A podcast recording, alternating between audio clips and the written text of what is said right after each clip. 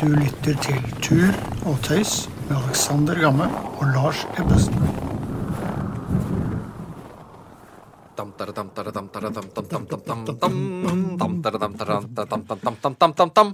Ja, velkommen. Velkommen til deg, Lars. Og til deg, Alex. Tusen hjertelig. Nå var vi i hvert fall hverandre. Nå var vi hverandre. Ja, jeg tror vi skal fortsette med det. Veldig bra.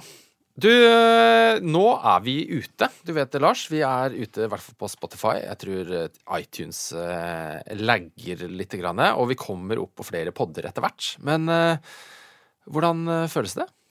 Det føles jo utrolig å ha ti lyttere. Det er jo langt over hva vi trodde i første. Altså, du er klar over nå, nå er vi eh, midt inne i, i, i den vanskelige oppfølgeren.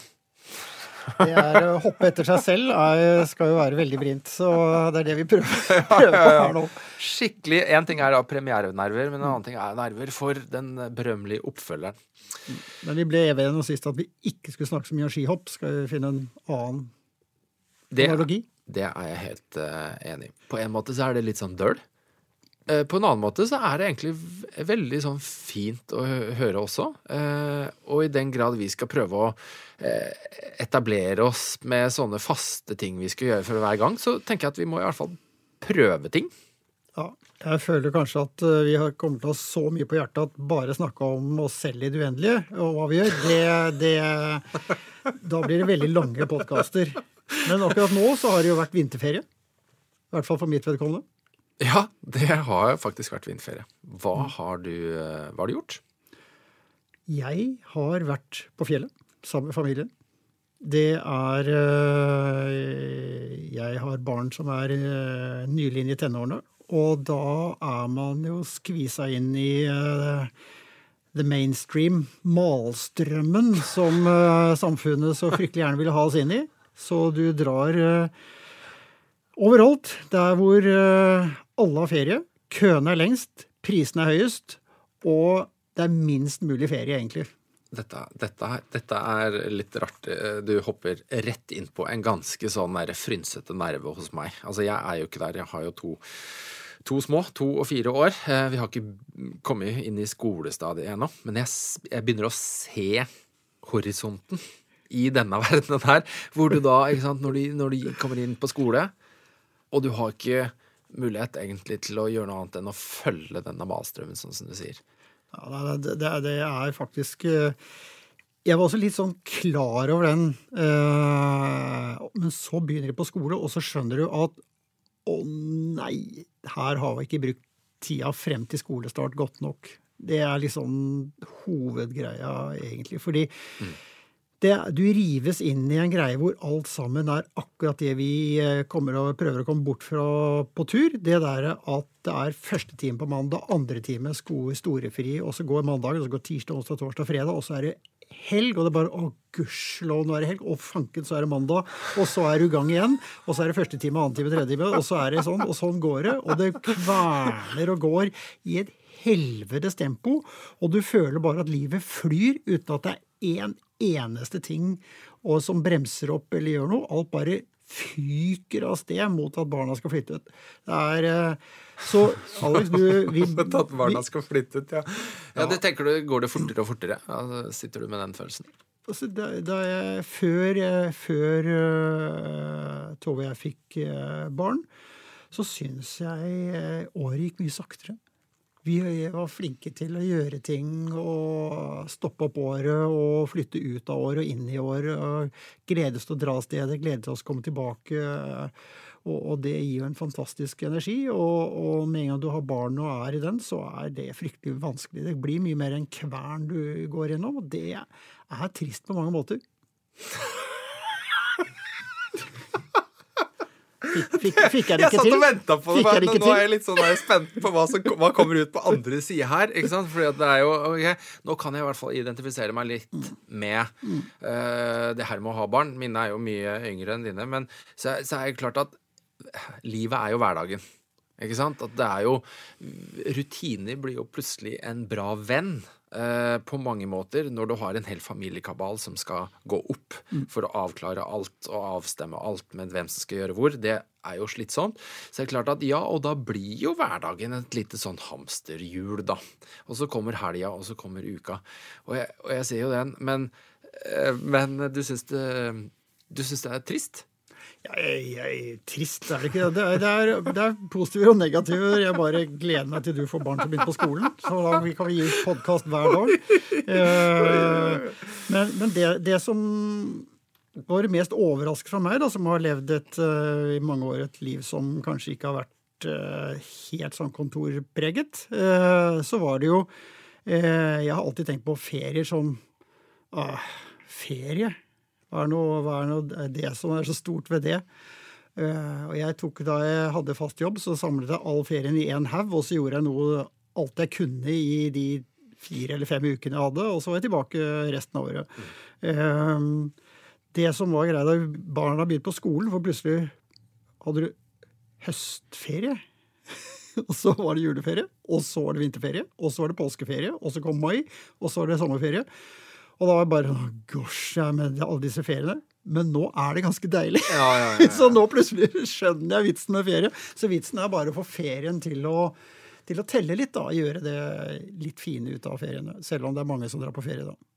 Men når du sier hytta, da er du på Nei, når du sier fjellet, da, da er du på hytta. Da er på hytta. Og hvor da, er det? Det er øverst i Hallingdal, eh, i nærheten av Hallingskarvet.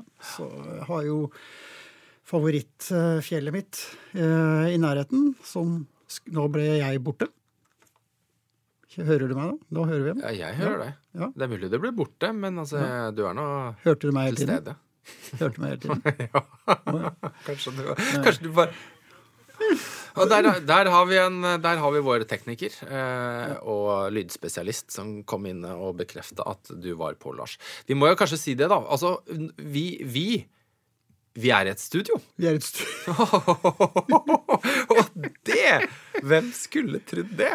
Det føles varmt og rart. For forrige gang så løp vi rundt på Finse og kobla og styra og snubla og eh, prøvde oss fram. Og fra det ene til det andre, så nå har vi faktisk havna inn i et studio. Eh, jeg tror vel ikke at det er her vi skal operere fra hele veien.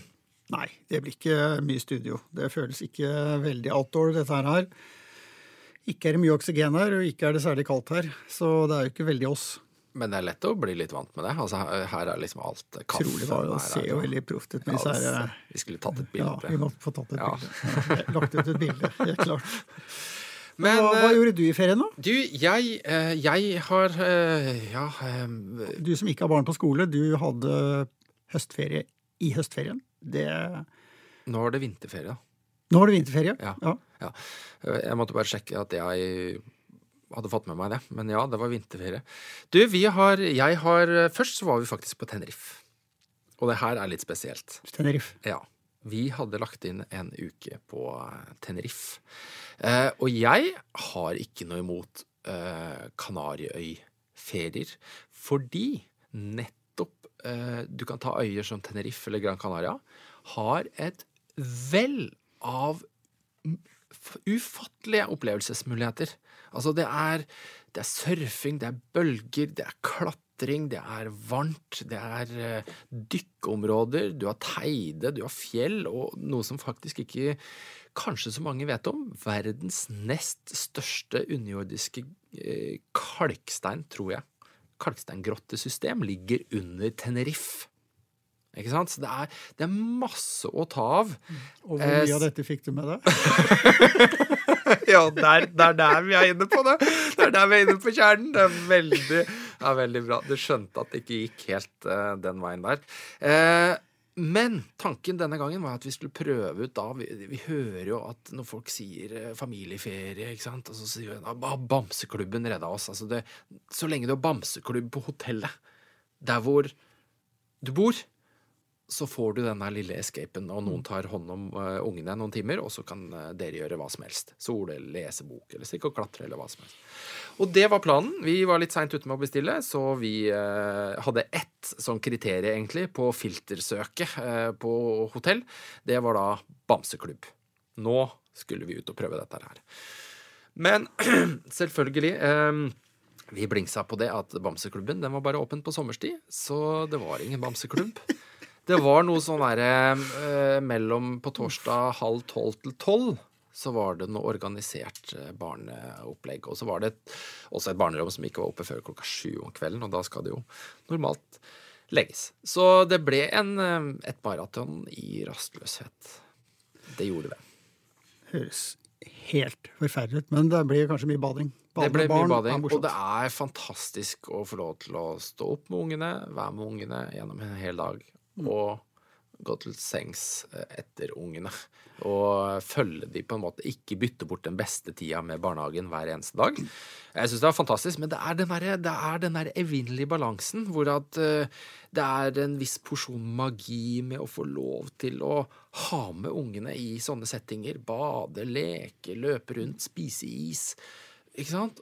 Men så er det den der rastløsheten også som bare velter inn eh, med eh, ujevne mellomrom. Men det var Tenerife. eh, Men så kom vi hjem, og nå i helga så har jeg faktisk vært med Tatt med fireåringen på hytta. Tre dagers alpin eh, treningsleir. Bra. Kjempeartig. Ja.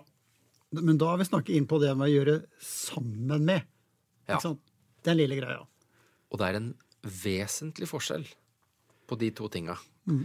Når jeg ser det nå sånn i litt sånn etterkant. Og det er når vi er på ski, og spesielt siste dagen, hvor det blåste egentlig for mye. Eh, heisene sto, eh, men kjelketraseen var oppe. Og hva er vel kulere å sette seg i en kjelke med fireåringen forrest? Og dundre nedover så vi hyler, og snøen spruter, og vi tryner, og det er bare en fartsglede. Og mestring, og ja, det, det er en av de beste dagene jeg har hatt i år. Ja. Det er, det er, da snakker vi ferie. Da, Da- er ferie ferie. da er det ferie. Da er, Men dette var mye om ferie, Lars. Det var mye ferie. Mye Eh, ferie. Vi må dra oss eh, inn før det er for seint. Det må vi. Eh, vi må prate litt om hva er det vi skal prate om i denne podkasten. Vi har jo allerede begynt å få litt grann, eh, føringer. Eh, I tillegg til det vi gjerne vil snakke om, så har vi begynt å høre at eh, det er tur, tips, råd, rare historier, gode historier og, og rent generelt turprat Ja. som mange, mange vil høre. Noen har til og med spurt om vi kommer ut på engelsk. Det er tidlig å begynne å kjøre flere sp- språk! Og noe Hvorfor ikke spansk? ja, spansk. Jo da. På spansk kan jeg etter, etter hvert uh, ni ganger på Concago eller noe. Det eneste sitter igjen av spansken min, det er dos mas.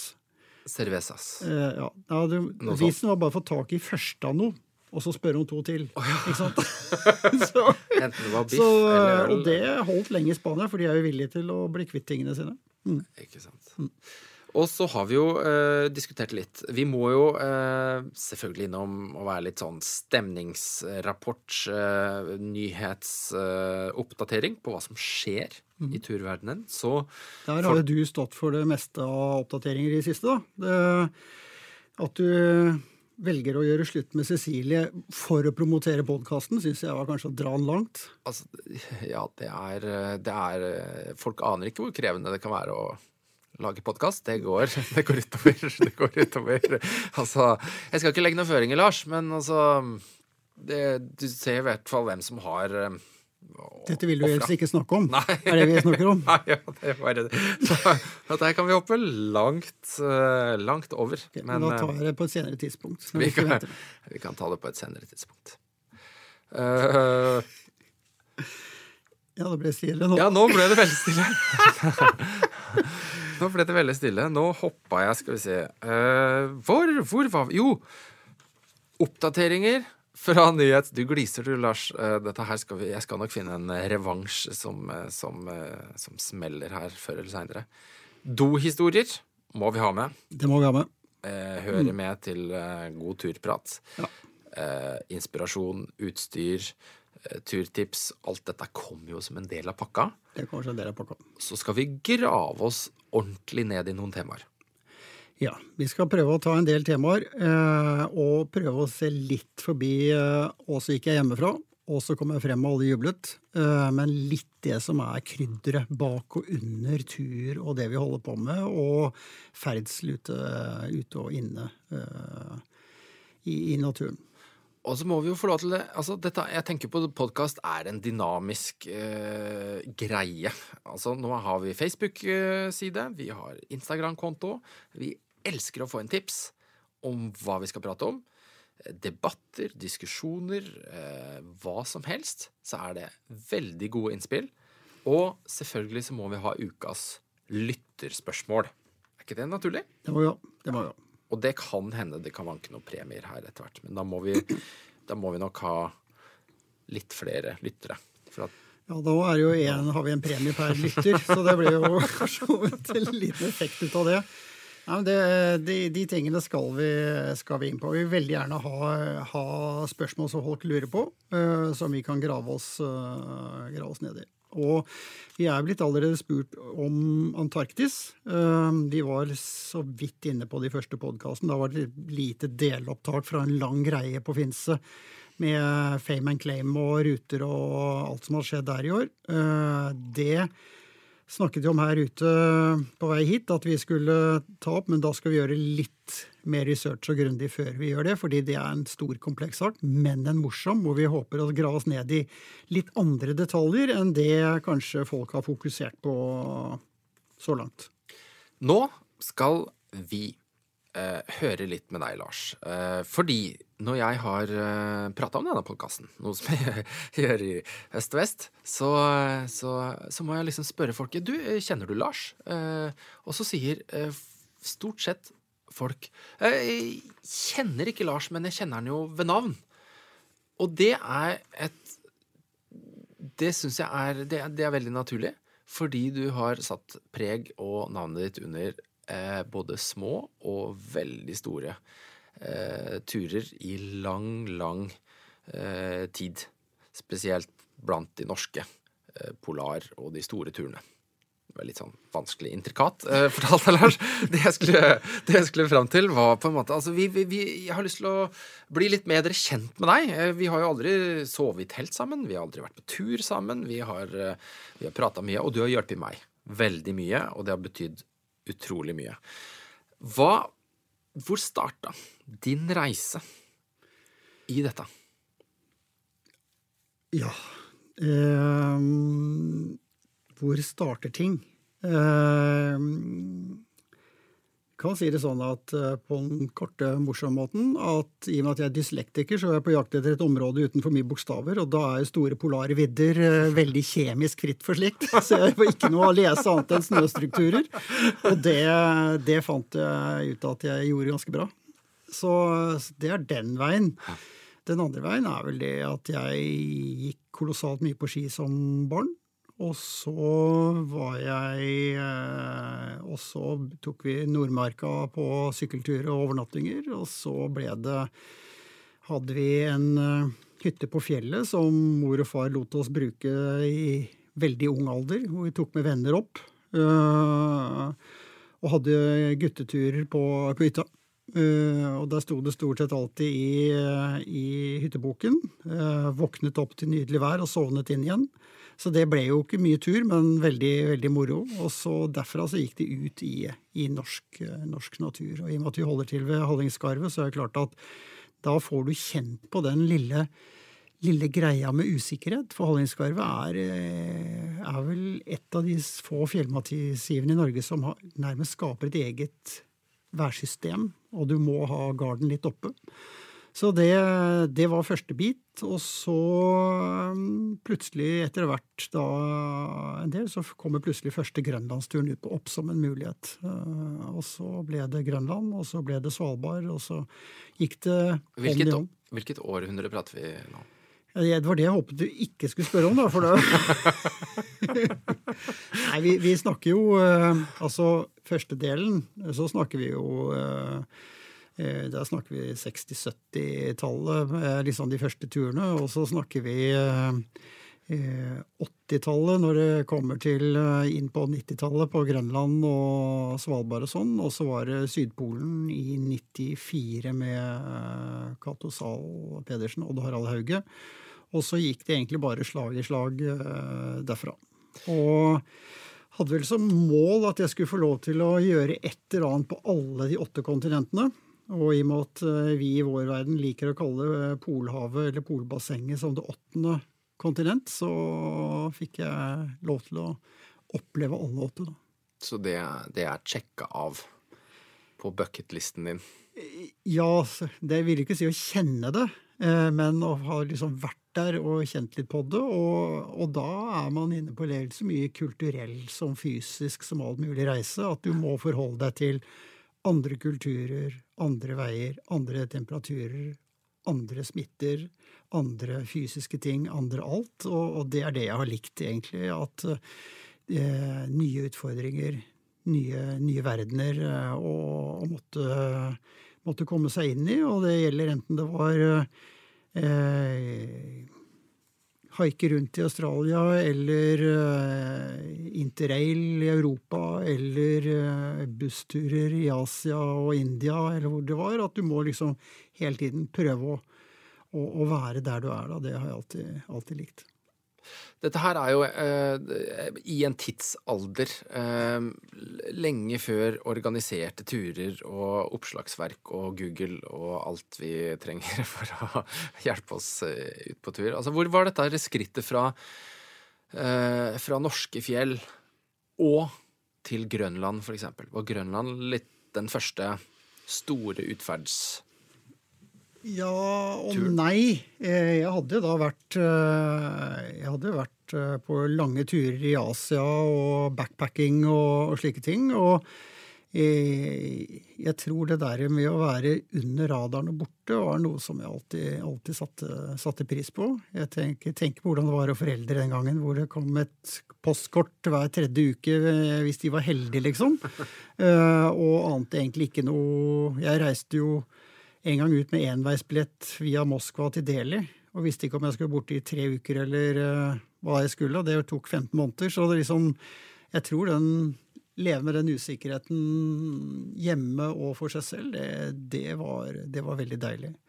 Og senere, så da vi, vi dro til Sydpolen, så var jo jeg holdt på å si sporene etter eh, Amundsen var nesten ikke visket bort engang. Det var kanskje tar i. Eh, men, eh, men, men, det som var det som jeg husker best ved det, det var jo at det var før satellittelefon. Det var før kommunikasjon.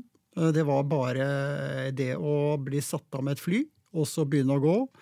Og så et par måneder senere dukke opp der målet ditt var, og uten å få noe input fra noen ting. Det, det er sånn som den dag i dag jeg ser på som en velsignelse, og kanskje noe av det nå i vår tid eh, har preget meg mest, liksom. På en positiv måte. Der ser vi en ekstrem forskjell på uh, hvordan det kan være. Altså, det er jo ikke så lenge sia. Altså, for å gi litt rammer. Vi prater om 95-96 her, gjør vi ikke det? Vi snakker om 94. 94 eh, var vi der. Det, vi hadde GPS. Det hadde vi. Mm. Uh, GPS-en var fremdeles på et sånt stadie at uh, vi fikk forskjellig kurs ettersom vi la inn Sydpolen uh, med forskjellig Du kan ta lengde- og breddegrader, for så vidt litt forskjellig. At de fikk forskjellige eh, ruter til Sydpolen. Det var litt sånn skremmende. Tenk over liksom bomma. Eh, så det var litt eh, der. Vi visste ingen, eh, ingen, verdens ting, egentlig. Det vi hadde fått med oss den gangen, det var en, en liten sånn forskningsgreie som de satte på dyr. som kunne Uh, og den var helt revolusjonær. Den kunne sende ut 23 tegn. Oh. Og det var bare vi, vi, følte oss som rocket scientists, altså. Og uh, første dagen i, i teltet uh, Vi hadde Sjur Mørder hjemme som sånn kontaktperson. Og, og, vi skulle sende en melding til han. Og det eneste som kunne ta imot dette, var Aftenposten. Og full av uh, journalister. Så fant Odd Harald og jeg ut at vi måtte jo se om disse journalistene fulgte med, så vi skrev 'Angrepet av isbjørn flykter sydover'. og var veldig fornøyd med oss selv. Eh, og tenkte at nå kommer en idiotisk journalist i Aftenposten til å gripe fatt i det og lage et helvete. Ja, men kunne de, kunne de få tak i dere? Kunne de sende like mange tegn Nei, tilbake? ingen kunne få sende noe tilbake til oss. Vi hørte ingenting. Vi fikk ingenting i det. Bare vi kunne sende ut. Og vi var dritfornøyd, og Sjur var hoppende forbanna over at jeg liksom endelig hørte han fra oss og skulle liksom skrive noe til alle foreldre alle som fulgte med, og så kom det bare noe tull. Ja, for det, eh, som kjent så, så, er det jo ikke så mye isbjørn. Det er ikke så veldig isbjørn. Det, Det hører jo med til historien, så Sjur skjønte tegninga. Han skjønte veldig tegninga, og, men angrepet av pingviner ble liksom ikke helt det samme. Så, så, så, så det. Og neste dag tenkte jeg nei, vi får skrive det ordentlig. For vi var helt sikre på at Sjur var rasende. Eh, så da vi skulle skrive, så var den gått i stykker. Så det var det vi fikk. det var det eneste som kom eneste, eneste vi fikk sendt, var den der. Det var bare helt utrolig. Dette er jo tidlig. Vi, vi må legge litt uh, ramme på det, fordi at uh, uh, Erling Kagge gikk mm. jo som førstemann fra Berkner Island til Sydpolen i 93-94. Stemmer ikke det? Mm, 93, og så kom året etterpå, og da var det dere, dvs. Si Odd Harald Hauge, mm. Katte Pedersen Mm. Og her eh, undertegnede på min andre side, Lars Ebbesen. Ja. Og Liv Arnesen, Liv Arnesen var på tur det samme året. Mm. Så det var, jo, det var utrolig mye sånn pionerarbeid som, som ble gjort på akkurat disse åra her. Og hvis jeg ikke husker helt feil, så kom vel Børge sitt første krysningsforsøk året etterpå igjen. 95-96. 95-96 var vel Børges uh, første. Før det så hadde vi hatt Sjur, ja. Uh, som faktisk gjorde hele Shackletons greie ved å først hundeslede inn til Sydpolen, og så gikk de jo ut på andre siden og krysset faktisk hele kontinentet. Og enda før det, på 80-tallet, så hadde vi Monica Christensen, som hadde et par uh, En hundesledetur inn mot Sydpolen. Nådde ikke frem, uh, måtte tilbake. Uh, og fikk litt trøbbel fordi det å spise hunder uh, på 80-tallet var ikke like populært som uh, på, i 1911. Det var vel ikke så populært da heller? Nei, det, han fikk jo litt tyn, tyn for det. Kan du, kan, du, si. Å la maten gå inn selv. det har vel ikke tatt av siden noe særlig. Eh, så det var for så vidt historikken på det. Så var det var en spennende tid med mye som skjedde, og utrolig mye flinke folk. Altså både Sjur Mørdre og Erling Kagge og, og, og Børge Ausland var jo voldsomme pionerer i en polar startfase for en nyere tid. Og så kommer vi litt videre. Og eh, 90-tallet tror jeg var, det var ganske hektisk eh, for din del. Det var mye turer. Men så, eh, så starta Hvitserkreisen. Da begynte Hvitserkreisen veldig for Sjur og Martin og meg. Ja. Martin Lars og Sjur tar deg ut på tur, var liksom motto. Hvis vi skal komme inn på motor. Dere brukte ja. sånne profesjonelle PR-selskaper til å komme fram til ja, det var, det den, selvfølgelig. En, kosta en formue. Nei, men enkelt og, og, og, og, slagkraftig, det, for så vidt. Altså, hva, hva, hvor lå grunntanken i at nå skal vi organisere turer for andre? Den Det var mange, mange tilfeldigheter, eh, egentlig. Både Sjur og jeg hadde for så vidt eh, arrangert små, og Martin også, små turer for oss selv, for kompiser og kamerater og folk. Eh, både på Grønland og i Andesfjellene og, på, og i Afrika og sånn. Så vi hadde gjort litt sånn småturer som vi lagde selv. Og mye av grunnen var det at veldig mange har den derre sitter ned med en øl med kompiser, ikke sant? og så sier han igjen liksom, La oss krysse Grønland, da! Og så sier han som er mest full, sånn dritkult. Det var jævlig kult. Du, hva med deg, ja, Glenn Judas? Jo, faen, jeg har ikke tenkt på Jo, bli med! Det er vi tre har gått i barnehagen sammen. Så jævla kult det der er. Ja, ja, ja. Sånn, så blir det, sier, Da skåler vi for det, ikke sant? Ja, det tar ikke med Førstemann er edru, så er han borte, og nummer to forsvinner etter noen måneder. Og så sitter han stakkaren igjen og har lyst til å krysse Grønland. Eh, og hva gjør han? Han kommer jo ikke noe sted. ikke sant? Og da er det han kunne gå til oss, ikke sant. Og så kunne vi ha alle disse som hadde så brennende lyst, ja. de kunne komme og få bli med oss på, på, tur. Og det tror jeg gjelder alle som har gjort uh, store turer, at du får en ekstremt lyst til å dele det. Fordi det er en så stor greie, det er en så unik greie, og, og den gjør så mye med livet ditt og perspektivet ditt. Å dra på en stor tur hvor du måtte gå ut av komfortsonen og inn i eh, en verden som er helt ny. og du lærer mye, og du, du, får en utrolig payback. Så alle som har gjort et eller annet sånt stort, øh, krysset Grønland eller klatret et høyt fjell eller noe sånt, de, de har den følelsen at de har lyst til å inspirere. Og det var i grunnen tanken vår også, så vi fant opp det geniale ekspedisjoner for alle. Og tenkte at øh, nå var det bare å sette seg ned og åpne bankkonto. Eh, men det var jo totalt umulig. ja, hvordan da? Nei, det var jo, altså Vi har jo Jeg har vært medlem av Turistforeningen veldig lenge. Jeg skal, ikke, skal være veldig forsiktig her nå. Eh, men de har jo eh, Dette kan vi kutte bort hvis det ikke passer så bra.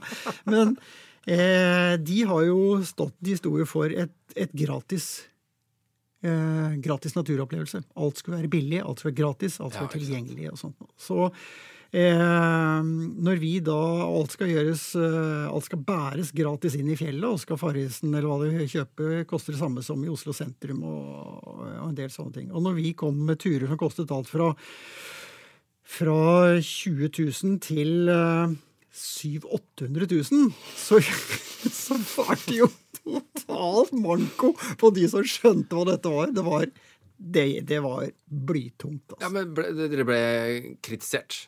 Øksa ned? Ja, vi ble kritisert, eh, men det var for så vidt ikke noe særlig problem. var at Det tok jo veldig lang tid å få nordmenn til å forstå at dette var en god løsning for folk som hadde lyst til å oppleve noe annet og sette seg et mål og litt sånt noe.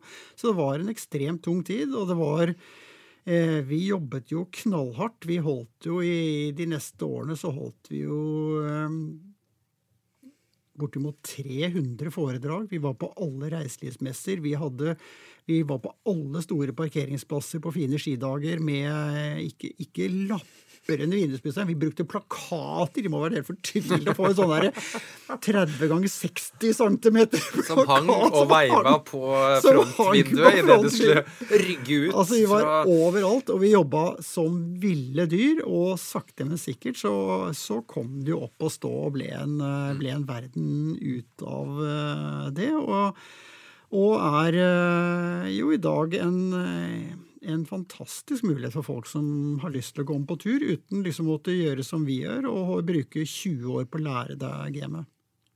Det her er jo det er kjempeinteressant, for det er klart at Hvitserk spesielt, pluss andre operatører også, de har jo spilt en stor rolle i hele utviklinga de siste 20 åra. Og det du ser i dag, er jo at det er jo nesten ikke noe annet enn organiserte turer. Når du kommer da til eh, de litt større utenlandsturene. Mm. Og det med å bli guida er jo eh, også en prosess som før var jo nesten umulig å prakke på enhver nordmann. Altså Spesielt på hjemmebane. Å skulle ta med folk mm. opp i fjellet og bruke penger på en guide, det er jo ikke helt sånn Ola Nordmann med matpakke under armen. Eh, spiselig. Men det er klart at ser bare endringa de siste ti åra, så har jo dette blitt veldig mye mer legitimt. At folk melder seg på kurs. De går på skredkurs, går på toppturkurs. De lar seg guide over uh, Uranås-traversen. De lar seg guide på stolen. Uh, og det er jo i stor grad helt fantastisk, syns jeg. Men hva er det vi mister på veien?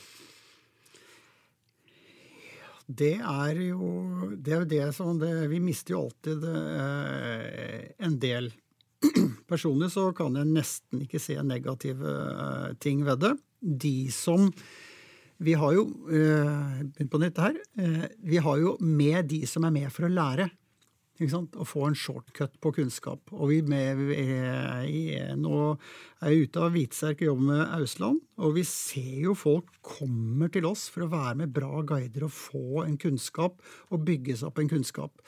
Og vi ser jo folk som vi har hatt med på én tur og kanskje to turer, som så sender oss en hilsen om at de ser på tredje tur alene, liksom. Så det er en positiv utvikling der.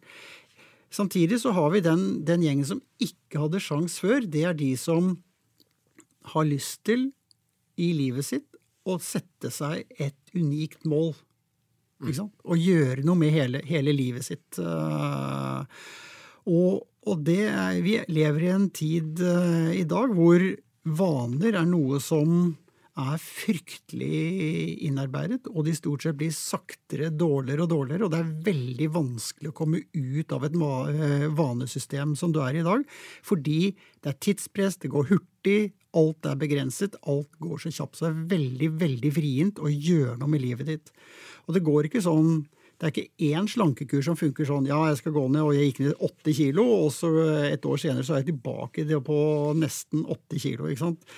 Og det er fordi man ikke lager langsiktige verdier i seg, i seg, selv. Så ved å gjøre en sak hvor du går ordentlig ut av komfortsonen din, ved å krysse Grønland eller klatre et høyt fjell, så må du over tid gjøre noe ganske mye mange ting i deg selv.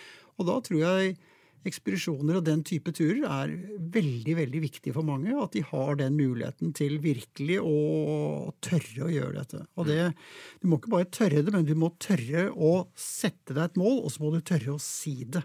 Det nytter ikke i hemmelighet. Spikre det opp på veggen? Ja, spikre det opp på veggen. Ha det på speilet om morgenen, og så gjøre noe. Fordi skal du forandre på en vane, så må du faktisk bruke lang tid.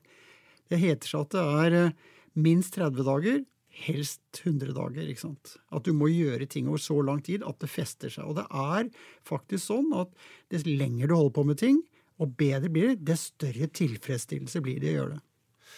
Det her er eh, Det minner meg om at øh,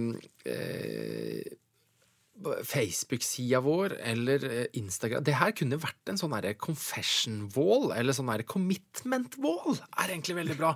Altså Har du et mål eller en drøm som du trenger litt sånn her spark i rumpa for å komme ut, og liksom 'Jeg får den aldri helt ut av skapet', så vil jeg anbefale Da kan du skrive det på eh, Facebook-sidene eller på Instagram-kontoen, og så har du offentliggjort det, og så skal vi søren meg gjøre et lite slag for å hjelpe deg på veien. Det hadde vært veldig kult. Var ikke dette litt smart, jo, Lars? For det er jo det jeg har likt å holde på med. Uh, bestandig, det er jo Og det, når du sier at ingen kjenner meg, så tror jeg det er litt av det jeg liker uh, også. Det er at jeg har vært litt sånn en tredjemann. Fordi alle, alle ting du skal gjøre, så er det veldig sjelden soloting vi snakker om også. Men du, du må ha et system rundt det. Vi skal, eh, jeg skal hoppe litt inn på det at du har hjulpet masse, masse folk. Men for å ikke slippe tråden helt angående organisert versus ikke-organisert turer. Altså, Jeg er litt sånn skuffa over deg, Lars, for jeg tenkte at når jeg spør om eh, hva er det du mister på veien, så tenker jeg nei, det er jo ikke egentlig noe negativt med det. Altså, jeg tenkte Lars, eh, jeg trodde du hadde sittet der med telefonen og bladd i en gammel telefonkatalog og prøvd å få tak i en russisk diplomat for å få visum inn i et eller annet land. Også den der sitte med de gamle, støvete karta og tegne streker med. Skal jeg inn i den dalen der, eller kommer vi over den grensa der? Og så prøver man å få tak i en, en uh, peruansk diplomat for å hjelpe en over med en hestetransport. Men det er kanskje sånn vi bare romantiserer i ettertid. Fordi når du prater, så kjenner jeg meg igjen i at uh, jeg har sittet i så mange sånne eh, situasjoner hvor du går og stanger huet inn i veggen og prøver å få tak i noen der ute i verden som skal hjelpe deg på din neste tur, at det er egentlig bare historiene om det i etterkant som er kule. Kjenner du deg igjen? ja. Jeg husker jeg satt og skypa da med en fyr for å hjelpe oss når vi skulle sykle gjennom Sahara. Eh, det er blitt artige historier i etterkant, hvordan vi prøvde å kommunisere, og vi misforsto hverandre, og, det funka ikke i det hele tatt. Men der og da så var det forferdelig frustrerende. Og det er mange sånne historier. Så du, du har egentlig ganske rett. Men noe har vi mista. Og det er litt den der støvete eventyrlysten over å prøve å gjøre alt sjøl. Den, altså hvis uh, En del av de som gjør alt sjøl, de er der i dag òg det er folk som gjør spennende ting, og som har kommet fra grunnen av uh, og sånt. Jeg syns jo det er noe av det mest uh, spennende. Men det som tross alt uh, den bransjen vår i stor grad er bygget opp og burde vært bygget enda mer opp på, det er at det som har vært den norske biten som har vært sterkest, det er jo at vi har vært veldig flinke til å hjelpe hverandre selv Nansen og Amundsen og sånt noe, som ikke likte hverandre veldig godt. Det var ikke noe kyss, klapp og klem der, akkurat. Men de hjalp hverandre. Norske polfarere og de norske eh, miljøene har vært veldig flinke til å stille opp med hverandre. Og det er noe som Sjur og Erling og Børge også tok videre. At de var åpne bøker, og folk kunne snakke med dem. Og det at du kan kunne ringe en Børge eller en Ruren Gjelnes eller en eh, hvem som helst Stein-P eh, Det er jo hundrevis av dem. Så, så har man kunnet gå ganske raskt, eh, raskt, frem. Og det er litt av det som har gjort at det har vært et høyt tempo og høyt nivå på, på nordmenn. Men akkurat den derre sitte alene, sånn som jeg har gjort i India og, og, og, sånne steder av og til, for å prøve å gjøre det, den, den den er nok kanskje mye borte, fordi ting skjer mye raskere, raskere nå. Altså, da, da på 80-tallet og sånt når jeg reiste rundt uh, i Asia, så var det jo eh, Det var ikke noe internett, det var ikke noe sånne ting. Det var ikke der det skjedde i det hele tatt. Men du måtte finne frem til der hvor folk med kunnskap var. Så hele det som du har på Google og i, i, en digital form i dag, det var kun menneskebasert. Så du, opp, du fant frem til de beste herbergene eller de billigste greiene hvor folk som var på ditt nivå av reising var, slik at hele ferskvarebiten av, av problemstillingen det måtte du oppsøke istedenfor. Nå gjør du det mye mer digitalt, men den, jeg tror det samme greia er det, bare vi, vi har flyttet hele greia over elektronisk uh, i stor grad. Og der er det det tror jeg nesten vi eh, som eh, I hvert fall jeg, du er jo bare barnet foreløpig. Eh, må, må finne oss i at det er litt det vi må ta inn over, at ting skjer på en annen vis. Sånn som i vinterferien, da, hvor Noah og jeg hadde tok en pulk opp i fjellet og satte opp et telt og hadde et lite døgn i telt og, og ut igjen, så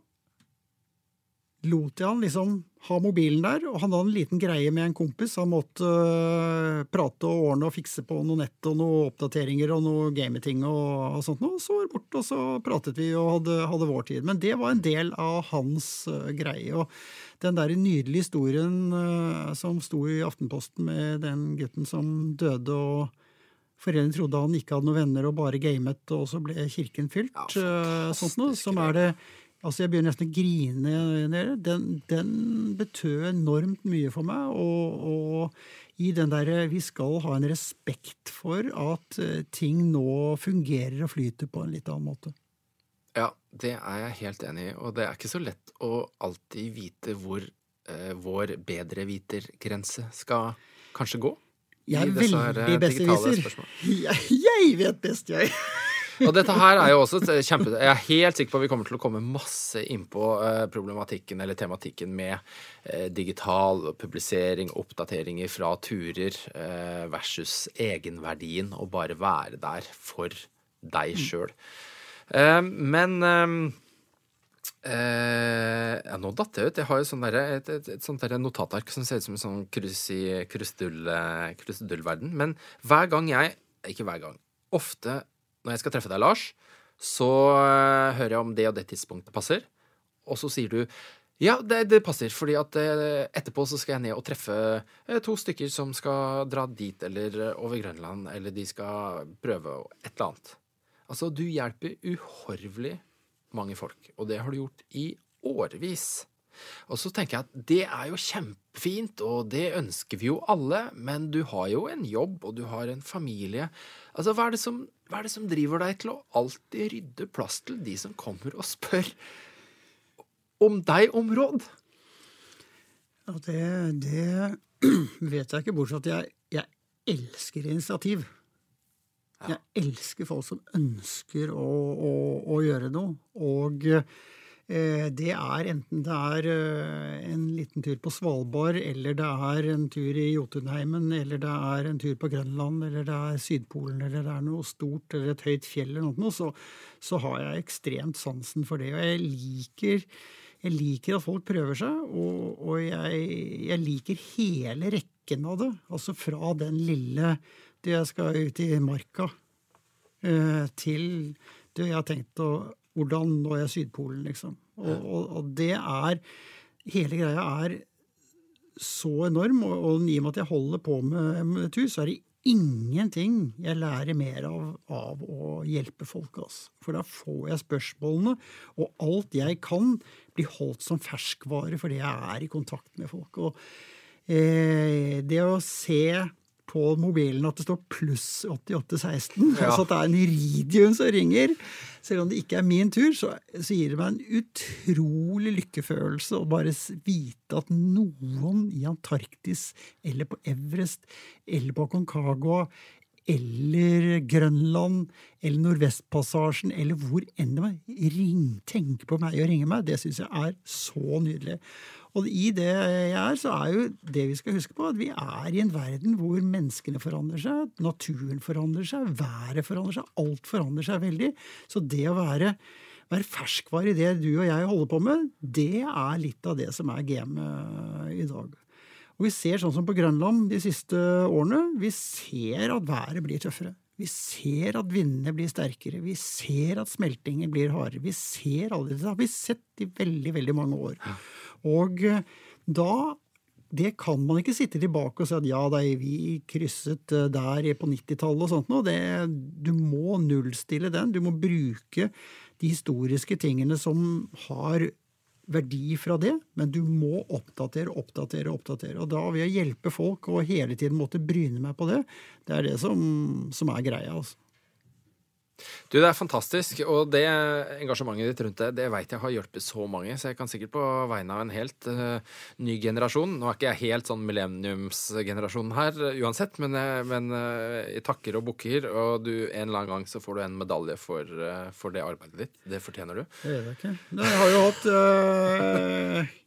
du, altså, være... du, har jo ringt meg et par ganger. Jeg har ringt deg mer enn uh, bare én gang. Og, og, det har vært uh, samtaler som jeg har huska. Og samtidig Altså, det er noe med det Du sier den gleden med 8816. Og for de som ikke kjenner til det, det er da Iridium, og det er satellittelefonnummer fra et uh, satellittsystem som heter Iridium.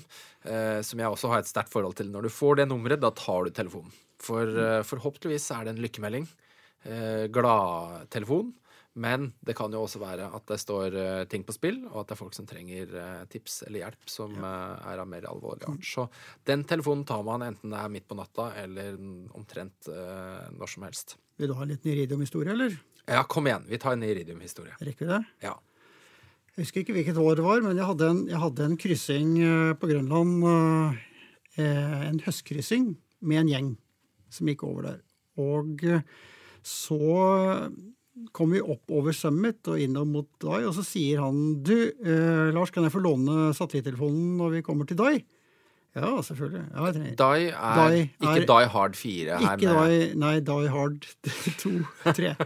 eh, det er en radarstasjon som står igjen til kalde, kalde krigens dager, midt inne på Grønlandsisen. Eh, eller litt til venstre. Eh, og eh, er noe man går innom. De fleste går innom den. Eh, vi kan snakke mer om Grønland og det på en senere tidspunkt. men vi skulle, ja, Og så spurte han dagen etter du, Lars, jeg får låne satellittelefonen. Eh, ja, ja, selvfølgelig. Liksom. Og så spurte han tredje dagen så, du, jeg, jeg, ja, du, du, husker at jeg skal låne? Ja, hva er det du skal? Nei, sånn, nei, sånn, jo, hva er du? Nei, ja, hva skal du, siden du har spurt nå tre? Nei, jeg har tenkt å fri fra deg. Oh, ja, sa du ikke det med en gang? Ja ja, så kult. Ja. Wow. Og så, hva skjedde dagen etter? Da gikk Motorola konkurs, og satellitter og Iridium-sambandet ble lagt ned. Og dette husker jeg. Så, så det døde der og da. Og han var jo helt fortvilet. Og så kom vi til deg, da, og bare for, Jeg beklager. Jeg be, det er bare ta han, ring så mye du Han bare ringte og ringte og ringte. og ringte, Så bare Å, hjelpe meg. Han skulle fri, altså. Og så kom vi ned i brefallet, og plutselig en morgen alle hadde ringt og ringt. Morgen, aften, morgen, aften, morgen, aften. Så plutselig hører sånn hyl. Så, Hva verden var det for et hyl, da? Ja, det er sikkert han der som var fridd. Ikke sant? Så plutselig åpna Iridium et øyeblikk, og han kom gjennom. Og da, det er, jo, det er jo Grønland fire timer etter, etter, Norge, så han ringer da til kjæresten sin, som sitter da i sånn åpent landskap på Telenor. og sånn, hva hun het, Grete kanskje. Sånn, Hei, Grete, det er meg! Eh, jeg vet ikke hvor lenge det varer. Vil du gifte deg med meg? Og hun sitter da midt på telefonen. Eh, ja! Å, flott! Og så var det og så var det over. Og det, det, det var det. Og så kom Iridium tilbake da og blitt liksom det vi alle har brukt, uh, brukt siden. Men det, var, på Men det som skjedde da, var at de holdt da åpne linjer for Røde Kors og litt militære og sånt noe, og plutselig så så falt vårt nummer inn, inn frierier inn under nødsamtaler over Iridium-nettet. da. Så han, eh, han fikk fridd. Jeg husker det var mye styr med Motorola og Iridium som ikke var oppe å gå. Hva i all verden skal man gjøre nå, og hvor usikkert det var å dra på tur. Men en eh, fantastisk historie. Og jeg tenker at for å eh, wrappe litt opp her og sette camp, eh, Lars, så vi må jo innom altså eh, I og med at vi ikke har noen sånn veldig eh, etablerte eh, spørsmål fra lytterne denne uka her. Har vi det? Har du, har du sett noe som var veldig interessant? Nei, ikke det annet enn på Antarktis, men det skal vi ta senere. Ja, og da får vi bare oppfordre folk til å så, eh, sende inn, spør eh, hva som helst, så skal vi ta det opp i podkasten. Og det siste vi har på en sånn eh, faste punkter, forslag eh, til nå eh, dohistorier. Ja. Hvor, Ja, hvor, det- eh, hvor skal vi starte? Vi har, vel, vi har vel noe å ta av alle sammen. Og jeg tror at vi skal også Kan vi ikke oppfordre eh, våre elleve lyttere til å komme eh, Skrive inn en artig dohistorie. Skikkelig tabbe, artig sted, merkverdig tidspunkt, hva som helst. Jeg- Altså, Dohistorier har, har, har sin verdi. Eh, Det høres kanskje latterlig ut, men dette er jo en av de tingene folk frykter mest når de skal på krysse Grønland eller noe. Men hvordan går jeg på do? Og det er jo som hjemme, bortsett fra at det går mye, mye fortere.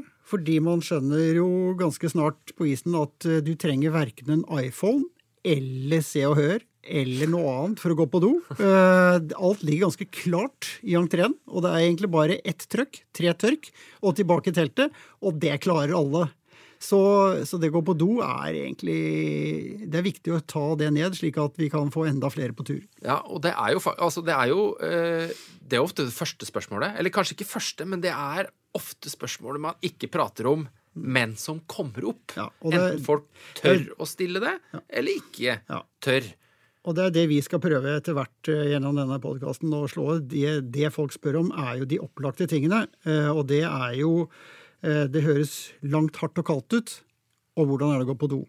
Og de fire tingene er jo det ene som er enkelt. og Alt du vet om er et problem, det kan du løse med alle de tingene du ikke vet. Og det er de vi gleder oss til å grave oss ned i. Men dohistorier er en bra start. eh, Men snakker vi dohistorier inne eller ute da? Må det være ute? Jeg tenker, ja, jeg tenker at det Altså, jeg tenker at det er et, litt annet univers inne. Altså sånn eh, Vi kan ikke dra Vi kan ikke ta hele det. Vi må være ute, på en måte. Ja, Om det gjelder fly, for eksempel? Fly eller en utedo er jo inne. Eller Ja. Det er innafor. Jeg har en liten fra Kilimanjaro på do der. Men det er veldig kort.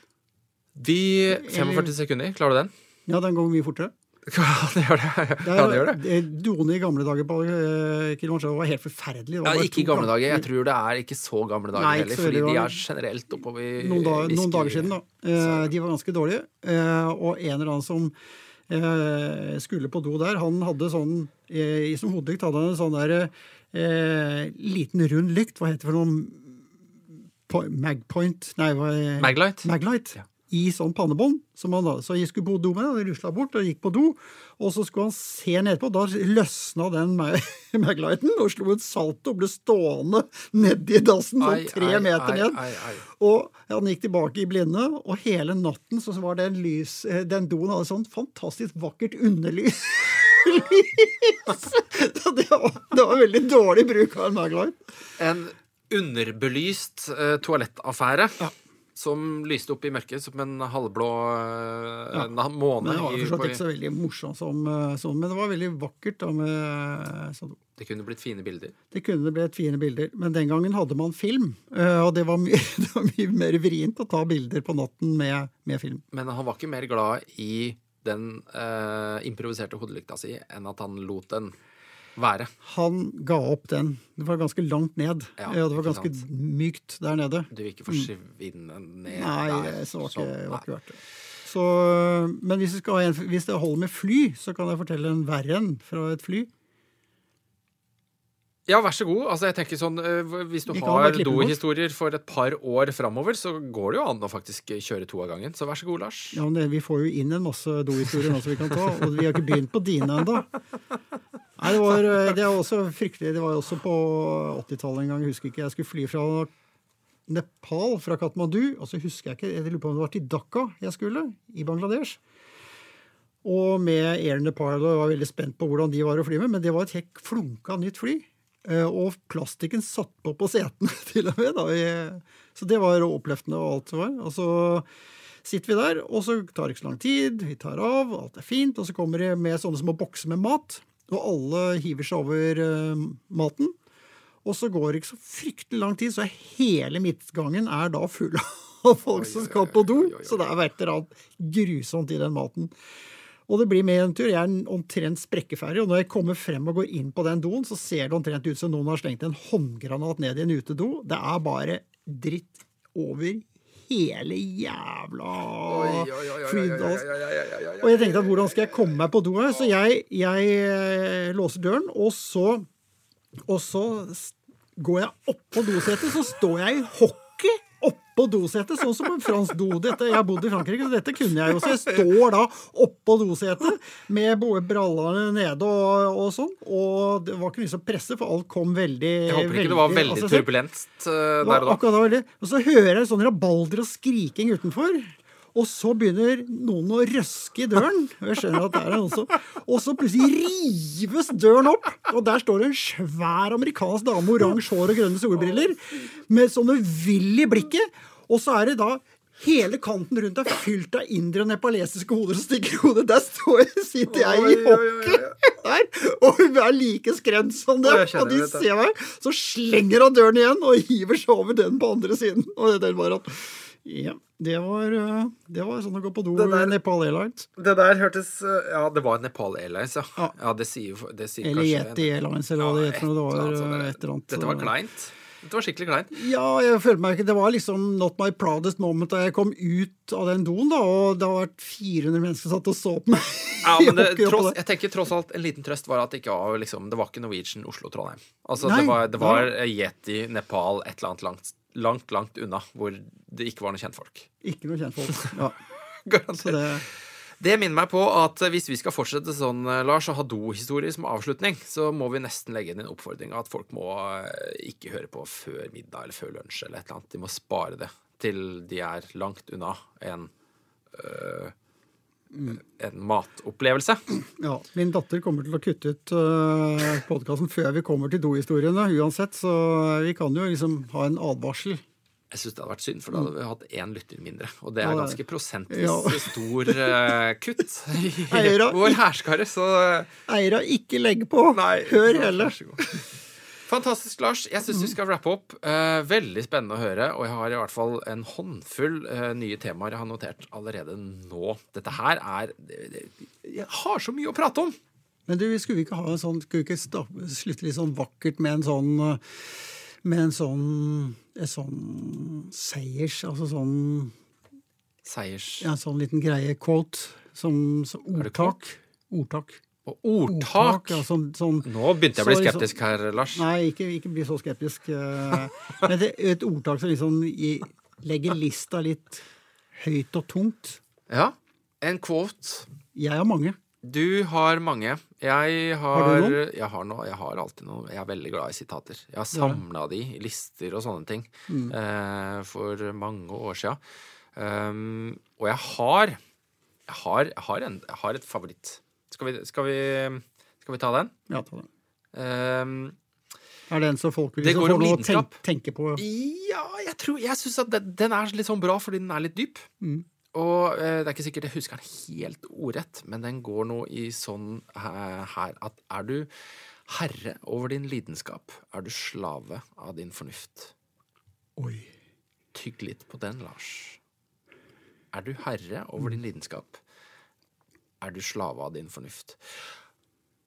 Og den kan du få lov til å um, la synke litt, men det Ja. går på, på en måte det er, det, Grunnen til at jeg liker det, er jo fordi at det er en quote som favoriserer nettopp det å leve ut lidenskapen. Og uten begrensninger. Uten noen hemninger. Eh, alt annet eh, gjør deg da til en slave av eh, fornuft. Bra. Ja, Skal vi la den henge, eller skal jeg ta rive det litt ned med en gang? Du tar din eh, Du tar din Ja, bare For å slutte som vi begynte, så har dette en til, en til Cecilie. Ja, Ja, så hyggelig. ja. Veldig Og det bra. heter uh, 'Kvinner som pryler sine menn, holder seg raske og rørlige'. Kunne det være noe for dere? Flatskinn! Ja, vet du hva, jeg, nå skal jeg tvinge Cecilie til å høre på podkasten. Hun kan gjerne starte bakfra hvis jeg ikke vil høre på alt. Sånn. Fantastisk. Dette er- lover bra for Cecilie sin klatreform. Ja, det gjør noe. Inntil neste gang så gjenstår det da bare å ønske eh, tusen takk for oss. Tusen takk for oss. Og følg oss på Facebook og Instagram. Skriv pisk, hets, tips, hva som helst. Lykke til. Ja, da tar vi camp her.